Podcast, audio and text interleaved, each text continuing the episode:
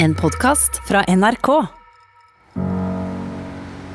Ola Bremnes synger oss rett inn i kjernen av dagens museum. Det hendte for lenge siden, langt opp i nord et sted. Folk gikk og venta på bygdefarjekta, men hun var ikke å se. Hun skulle komme fra Bergen, lasta med alt som går an. Av rugmel, sukker, sirup og salt, i bytte for tørrfisk og tran. Men jekta var borte, noe var feil. De speida forgjeves etter rødbrun seil.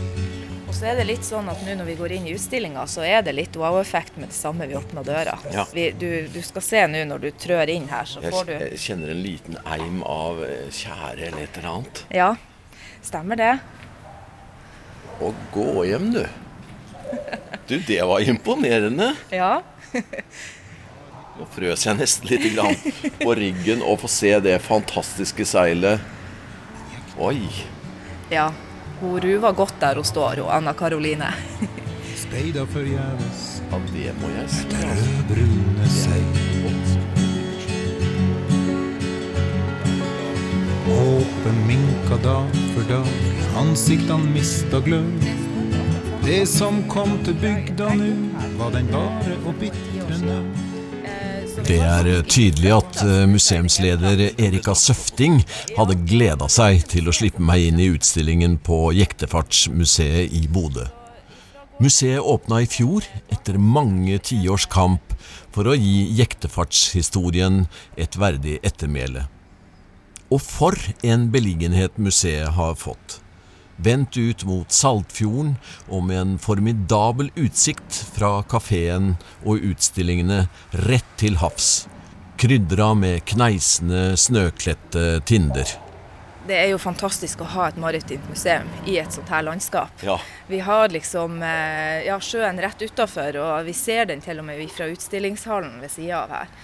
Og så er det jo Nå ser vi rett ut til Jekteleia. Ja vel. Eh, Skal vi se, da går vi litt bort her. Ja. Så det, de fjellene vi ser her, der har du det høyeste der, det er Sandhornet. Ja. Eh, og så er det Fugløya, den her markante fjellet som ligger uti der. Ja, det utsida- ytterste. Ja. Og på utsida av den Fugløya, der går Jekteleia mot Bergen. Så da kommer man f.eks. fra Rognan inn i Saltenfjorden her, så Ja. stevner man ut fjorden. Og så går man ut i leia rett her ute. Så vi ser, ser Jekteleia godt her ifra kafeen. Ja, og det er litt av en reise de la ut på da. Og det var jo ikke Det var jo ikke store skip, det her. Og mm, norskekysten ned gjennom, en kan tenke seg. Nei da, det er ikke så store skip. Men det var jo åpne farkoster også. De hadde åpent lasterom, ikke, ikke lukka dekk. Eh, og råseil, som er en ganske sånn litt tungvint seilteknologi. Og det her seilte de med hele veien fra Troms, eh, og eh, ja, for så vidt også fra Finnmark og ned til Bergen. Så hele, hele norgeskysten ned igjennom eh, seilte de med de her jektene. Så eh, det var strabasiøse ferder, og det var Ja, det står respekt av den jobben de gjorde, de her eh, skipperne og mannskapet på, på jekten. Og så viktig det har vært for norsk historie og økonomi, ikke minst. Ja, absolutt. Og jektefarten er jo ikke bare en nordnorsk historie. Det er jo, Jekten seilte jo også i vestlandsfjordene, og eh, altså det var jo den I innenlandsfrakten så var det jekta som dominerte som fraktefarkost. Så, så det var en kjent eh, skute for alle som bodde langs kysten, og, og frakta både de varene som man trengte i byene, og ikke minst de her eksportvarene som var så viktige for den norske økonomien. Så det er, ikke, det er ikke få tonn med tørrfisk som har funnet veien ut til det europeiske markedet gjennom jektefarten. Og mye fine varer som eh, kom opp igjen. Ja, mye fine varer og mye kultur. Altså Den kulturkontakten som jekten sto for, var jo kjempeviktig, og er, bærer vi fremdeles preg av. Ikke bare langs kysten, men hele Norge har fått impulser fra det. Så inni utstillinga har vi jo noen selvfølgelig eksempel på noen av de der virkelig fine tingene som eh, kom nordover på jektekjøl. Men eh, det, hovedsakelig så var det jo nøkterne ting, som korn bl.a., som var den aller viktigste varen. Det påstås at den, at den første jekta altså skulle være bygd i Salten sør om Bodø. Og der heter det jo at Ormen Lange også var bygd i sin tid.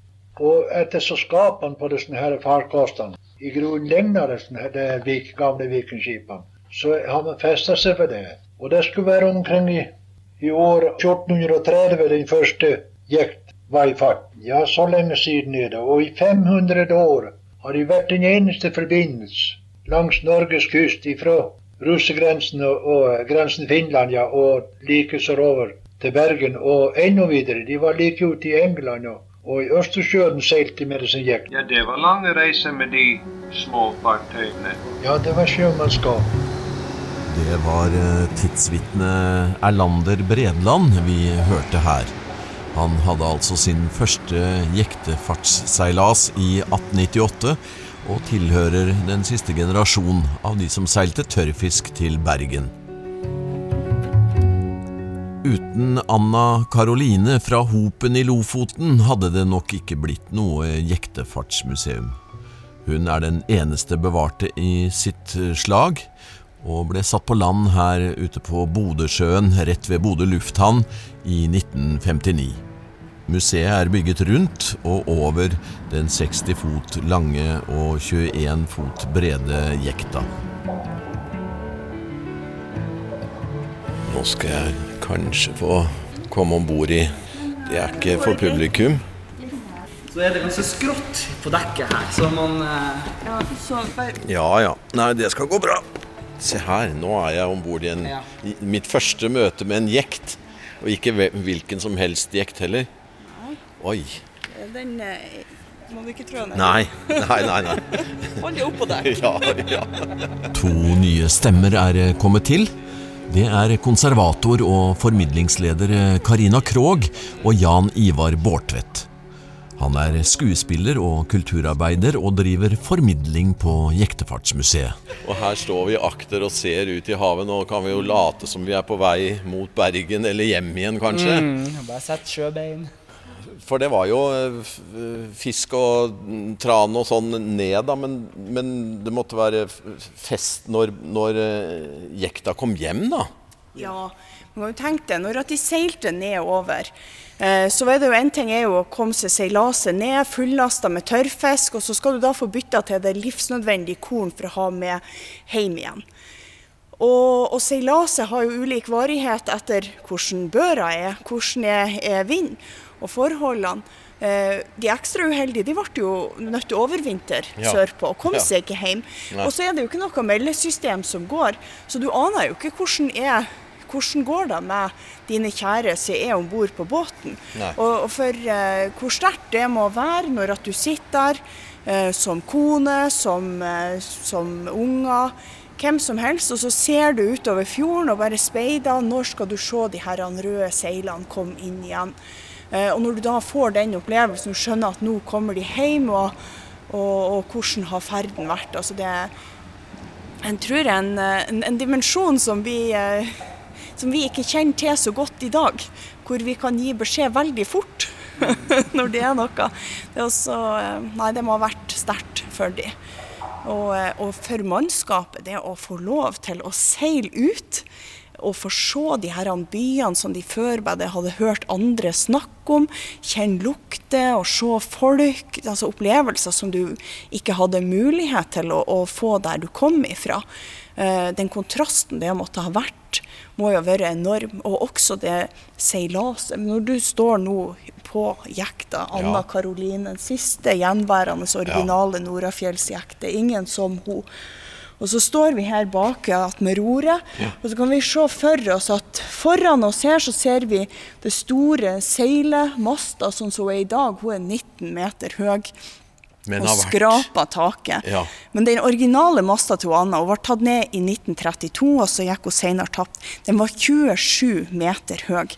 Og det er jo med roret og, og, og det her store råseilet, så er det sånn du kan manøvrere denne jekta. Og da står styrmannen her ved roret, og så har du kanskje gjerne da foran det. Så en ting er at du har nå det store seilet som det selvfølgelig blir bevegelse i, men så har du kanskje tørrfisk som var stabla, kanskje så masse som fem meter eh, over rekka. Dårlig at- sikt framover, da. Ja, jeg vil kalle si ekstraordinær dårlig sikt. Men da er det jo mannskapet springer opp på tørrfisken og Ja. roper beskjeder bak. Og, så det er jo et slags sånn eh, eh, det er, jo en, det er jo en helt egen sånn verden og organisering om bord på denne båten for at beskjedene skal nå frem, og alle vet hva de har å gjøre. Så det er en sånn streng orden da i forhold til at alle må liksom bidra der de er. Ja. Men samtidig så er alle i mannskapet de er med som sin egen sjef, Ja. som handelsagent for sin del av tørrfisken. Så det er en sånn blanding av eh, Og som de hadde fiska sjøl. Ja, noen av de hadde gjort det, og noen de samla inn for eh, at de var salgsagenter, at de tok tørrfisken for, for noen Ja, andre òg. Så, så det var, det var Så det var ikke og. fiskerne nødvendigvis som Det var jo det også, Ja. ja. Uh, så uh, Men dere har brukt ordet bønder nå, da jeg tenkte ja. Det er fiskerbønder, for det er måten å leve på i nord. Ja, det er litt jordbruk og fiske. og sanking og, og Ja. fangst. Og det var helt essensielt. Uh, så det er jo det er jo det vi, vi tenker på når vi snakker om bøndene, så er fiskerbøndene og, og den måten å, å leve på her i, her i nord. Og Men det må ha vært litt sånn. Ja, men det må jo ha vært litt imponerende for folk på den tiden å være om bord i en sånn eh, skute som det her. Det er jo en kjempebåt. Ja, altså Hvis du ikke hadde vært med i jekta før, du hadde bare sett henne Det var en del av, det var en del gjerne av barndommen eh, at man så når jekta kom, og at man skulle fylle henne opp. Du hadde sett det her enorme seilet, og så får du plutselig eh, muligheten til å være med ned til Bergen sjøl, eller ut til Lofoten som forsyningsbåt. Det må ha vært et helt eventyr å få, å få lov til å være med på det. En eh, helt enorm enorm opplevelse. Jeg merker her når jeg står nå, det, det, det skrår jo framover. Liksom, så jeg føler, jeg føler nesten det er litt sjø her. Ja, det er jo nesten så titter du ut vinduet. Det er rart å stå på sånn Ja, nei, du verden,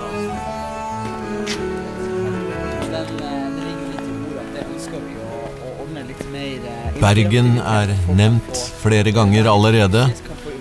For jektefartsfarende det store målet. Her foran eh, Her har vi jo en symbolsk del av Bryggen av Bergen, da. Ja, det ser jo nesten ut som en teaterscene med Det er nesten som ei teaterscene. Ja. Og det er jo litt sånn, for, for å skape den der opplevelsen som mange nordlendinger hadde, som eh, Tenk deg hvis du var første turen ned til Bergen og aldri hadde vært der, du hadde bare hørt om den her eh, grandiose byen. storby. Ja, altså- Internasjonal by. Ja, så du bare har hørt fortellinga om, så kommer du inn Vågen, og så ser du hele brygga, og du Ja. kjenner de luktene, du ser det er flust av folk, det er flust av båter, Ja. det er fullt av liv. Og her ser vi jo Bryggen etter smuga. Ja. Så her, eh, her vil vi jo på en måte gjenskape den, den opplevelsen som de hadde, da. Ja. Hvor alle mulighetene bydde seg, da. Ja.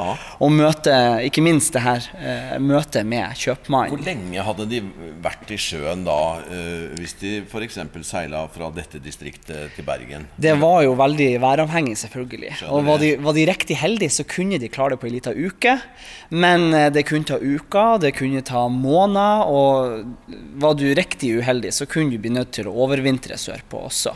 Og da kunne det ta nesten et år før du så familien igjen. Så det er ganske sånn eh, omveltende for oss å tenke på i dag at eh, den usikkerheten der, den er veldig tilstedeværende. Du vet jo ikke hvordan det går. Nei. Hvor mange var det om bord på en, en sånn jekt? Vi kunne gjerne være en eh, 12-14 mennesker. Såpass? Ja da, som det har passa på. Og da har du jo en som er styrmann, som gjerne skulle være den eh, ledertypen da, som folket kunne stole på, og som styra og tok avgjørelser underveis i seilaset. Og så har du da mannskapet, eller H-setene, som, som det da ble kalt. Som var de H-setene. Ja. Som det var de utvalgte fiskerne i bygda, som eh, da var sjef for sin del av lasta, og som eh, også fungerte litt som handelsagenter når de kom ned til Bergen. Ja. Eh, og da akkuderte om prisene gjerne med, med kjøpmann. Og, For det var jo selvfølgelig et maktforhold, selv om at eh, de var gjensidig avhengige av hverandre, både kjøpmannen i Bergen og fiskeren nordpå. Men eh, uansett hvor mye varer nordlendingene kom med år etter år, så, så klarte de som regel aldri å bli kvitt helt den der bergensgjelda. Det, var, det er rart med det. Når kom de første jektene? Det er jo tidlig på sommeren. De reiser i, eh, i mai, i Ja. mai måned. da. Ja. Eh, så da kom de på forsommeren og i, eh, i juni f.eks. Ja. da. og eh, fikk lasta av ja, tørrfisken. Etter Lofotfiske, selvfølgelig. Ja, etter at alt var ferdig tørka. Og da eh, skulle det vrakes i Bergen eh, av eh, kjøpmennenes egne vrakere, og det var jo en kunst. Ja, og vrake det er på en måte kvalitetsbestemt. da kvalitetsbestemmer du om det er prima, altså best, eller sekunder, eller om det er De har jo også det som blir kalt for Afrikakvalitet, som, som er et uttrykk som brukes i dag også, faktisk. De bodde jo nede i lag med lasta, eh, så det er jo ikke noe, ikke noe komfort. Det er det jo ikke. Nei, og lukta satt vel i resten av livet. Den var nok ganske så tilstedeværende. Og så var det jo tilfeller hvor jekta kunne fungere som personbåt. Det er jo på mange måter forgjengeren til Hurti- Hurtigruta. Men der igjen så er det jo det her Det er jo null komfort. Ikke noe lugarer. ikke noe Du måtte ha med deg egen mat, og det var ikke alle jektene som hadde noen muligheter for oppvarming av mat heller. Så da eh, var det relativt stusslige kår eh, for mange som opplevde det, da. Men tilbake til eh, møtet med, med Bergen da, som en, en storby og en internasjonal by. Hva vet vi om inntrykka og Vi har noen brev som de gjerne skrev hjemover, for de ville jo gjerne dele denne enorme opplevelsen med de som satt hjemme og ikke visste helt hvordan det gikk. Ja. Og der har vi bl.a. et brev som vi bruker i formidlinga her, eh, av en eh, O. Benjaminsen. Hvor han skriver da til eh, sin eh, kone at eh, når han nærmer seg Vågen, så ser han da utallige båter og vimpler og flottkledte folk i tusenvis eh, bryggen rundt. Og uh, han, han beskriver det som en sånn uh, nesten sånn eventyrlignende by. Ja. Samtidig som han da uttrykker at han har et sterkt savn til fruen også. For at selv om at han ser det her, så skriver han òg at uh, men hadde det vært opp til han, så hadde han snudd båten og reist hjem raskest mulig til hun òg. Så det er en sånn Det er en ganske fin og sår beskrivelse av det. at de får en enorm opplevelse, noe de aldri har sett før. Eh, samtidig som at de kjenner veldig sterkt på det savnet til familien hjemme. da. Hvor mange fartøyer var det i, på, på et gitt tidspunkt, hvis dere kjenner til det, som, som var på den trafikken her? Nei, det er vanskelig å estimere, men vi vet jo at i Bergen så kan man telle enkelte år. Eh, Og da eh, pleide det å ligge på rundt 150-200 jekter som anløpte Bergen i stevnetida, rundt eh, altså tørrfiskstevnene på sommeren. Eh, også I tillegg til det så hadde du fjordajektene fra Vestlandet som kom på andre tider av året, gjerne også med fetevarer og ved. Og, eh, så at eh, vi, Det er litt vanskelig å estimere, men vi pleier å si at flere hundre jekter seilte til enhver tid langs kysten med, med varer og folk. Also ich finde es sehr interessant. Deshalb sind wir auch hergekommen, als, wir, als er das erzählt hatte. De fleste opptakene til dette programmet ble gjort før museet åpna denne dagen, men eh, nå er det fullt liv. Et par cruiseturister fra Saksen-Anhalt tar en runde rundt Anna Karoline, og Ulrich Bøst er imponert. På denne reisen hadde de først sett Vasa-skipet i Stockholm, og nå jekta på Jektefartsmuseet i Bodø. Syns det er veldig spennende og er imponert over det mot sjøfolk hadde før i tiden. faszinierend immer, wie die wirklich mit ihren einfachsten ja, Handwerkszeugen, was ich unten gesehen habe, was sie hatten, so eine Schiffe gebaut haben, die ja heutzutage auch noch stehen. Und dass sie da Nå skal vi brått over i det mytiske. Vi skal høre om godbonden som var fast gjest på jektene. Godbonden han var jo en, eh, en, eh, en liten kar som eh, bodde nedi, nedi båten. Eh, og hvis man holdt eh, godbonden i, eh, i godlaget, så kunne han varsle når det kom uvær. Og vi har også beretninger hvor folk forteller at de er nesten i et forlis, og at man kommer ned, og der så man at godbonden klarte å holde vannet ute med hendene bakom lasta, hvor mennesker ellers ikke ville ha kommet til. Det mytiske tilknytta seilinga er jo, er jo et fantastisk univers å få gå inn i, og, og som vi løfta en del her på museet også.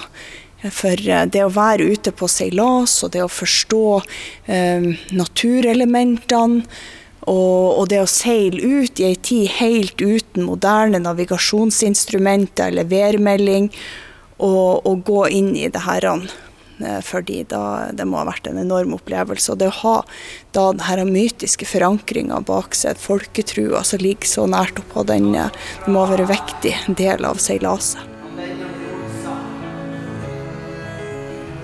Han Benjamin Olsa, han, han visste godt å ta vare på godbonden på jekta Lykkens prøve.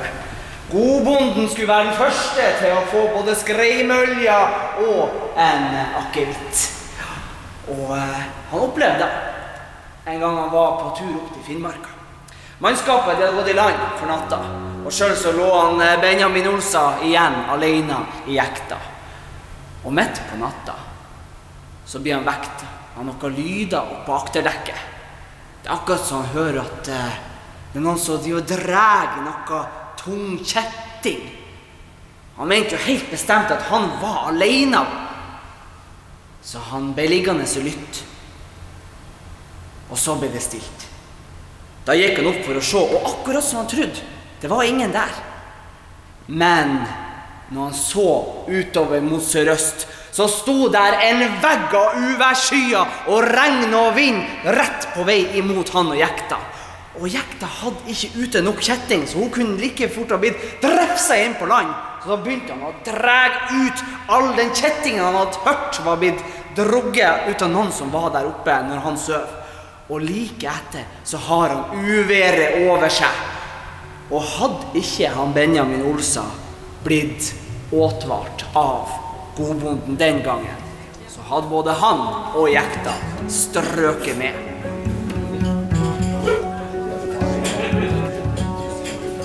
Det at denne historien er blitt så stemoderlig behandla over lang tid, det er, det er, en del av et, et større bilde, egentlig. Men eh, det er veldig mange som kommer hit nå som, som, blir veldig glad for å se at det endelig er tatt tak i. Fordi at vi har jo gjester her som har besteforeldre og oldeforeldre som har seilt med jekte, og som veldig mange føler en sånn direkte relasjon til den historien, selv om det her begynner å bli mange år siden at jekten seilte. Så det er på en måte en viktig del av vår identitet og våre røtter. Men det var jo litt sånn når vi jobba med, med, det i prosessen, at vi, vi, har jo stilt oss spørsmålet noen ganger. Hvordan skal vi bygge et museum som skulle vært reist for 50 år siden? Ja. når, når, båten ble dratt opp her i 59, ja. og, og, så ble det bygd et bygg rundt? Etter hvert. Først med noe tak for å bevare noe sånn? Ja, først så sto den bare på land. Eh, og så skulle de jo helst bygge et museum, og det var jo mye prosesser rundt det. Og så eh, fant de ut at eh, det kom ikke til å skje med det første, så bygde de et tak over henne.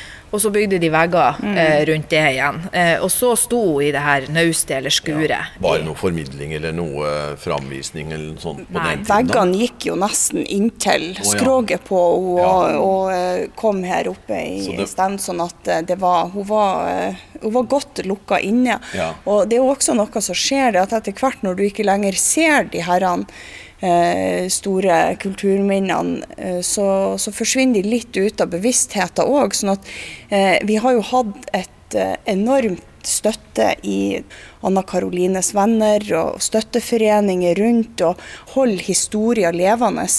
Mens vi har eh, jobba eh, fra vårt eh, profesjonelle ståsted inn mot de aktørene som trengs for å kunne realisere noe sånt, så har jo også de, de frivillige og de, de rundt hun, Anna og Karoline som er glad i henne, har jo vært helt avgjørende. Den har også fått et løft etter at museet kom opp. For det som vi ser, det er at uh, mange de blir litt sånn Oi, den her fattige fiskeren og historien som de kommer ifra, han var så mye mer enn da. Og hun, fiskerkona, var så mye mer enn da. Så de la til rette for ei, ei utvikling og, uh, og en sånn produksjon her. Ja. Altså, de var jo del av et svært nettverk med langdistansehandel som hadde forgreininger utover hele verden. Mm. Eh, og det er lett å glemme når man ser de små husene og støen og naustene her nord. Men eh, de var faktisk påkobla noe mye, mye større. Eh, og det tror jeg også er sånn som folk kjenner på når de går her og, og leser og ser i utstillinga. At eh, det, den historien er kanskje større enn det man tenker over til daglig. Ola Bremnes eh, starta dette programmet om de rødbrune seila som ikke kom til syne. Hvordan gikk det? Et år får passere, to år hangle av sted. Da ser ei kone i vindusruta et syn hun kan kjennes ved. En båt der ute på fjorden, det kan ikke være feil. Hjertet hangler, pusten hiv, ser dere rødbrune seil. Jekta hjemme. Herre min Gud, Jesus Maria, la det gå bud. Så ringte de kirkeklokka, ringte og ropte takk. Takka for livet og gutan og gleden, ringte til klokka sprakk. Sprakk av lutter glede, sparte sin siste lyd. Til dagen da alt blei nytt igjen, og alt bare jubel og flyt. Og jekta igjen, berga og hei. Tilbake fra Bergen og.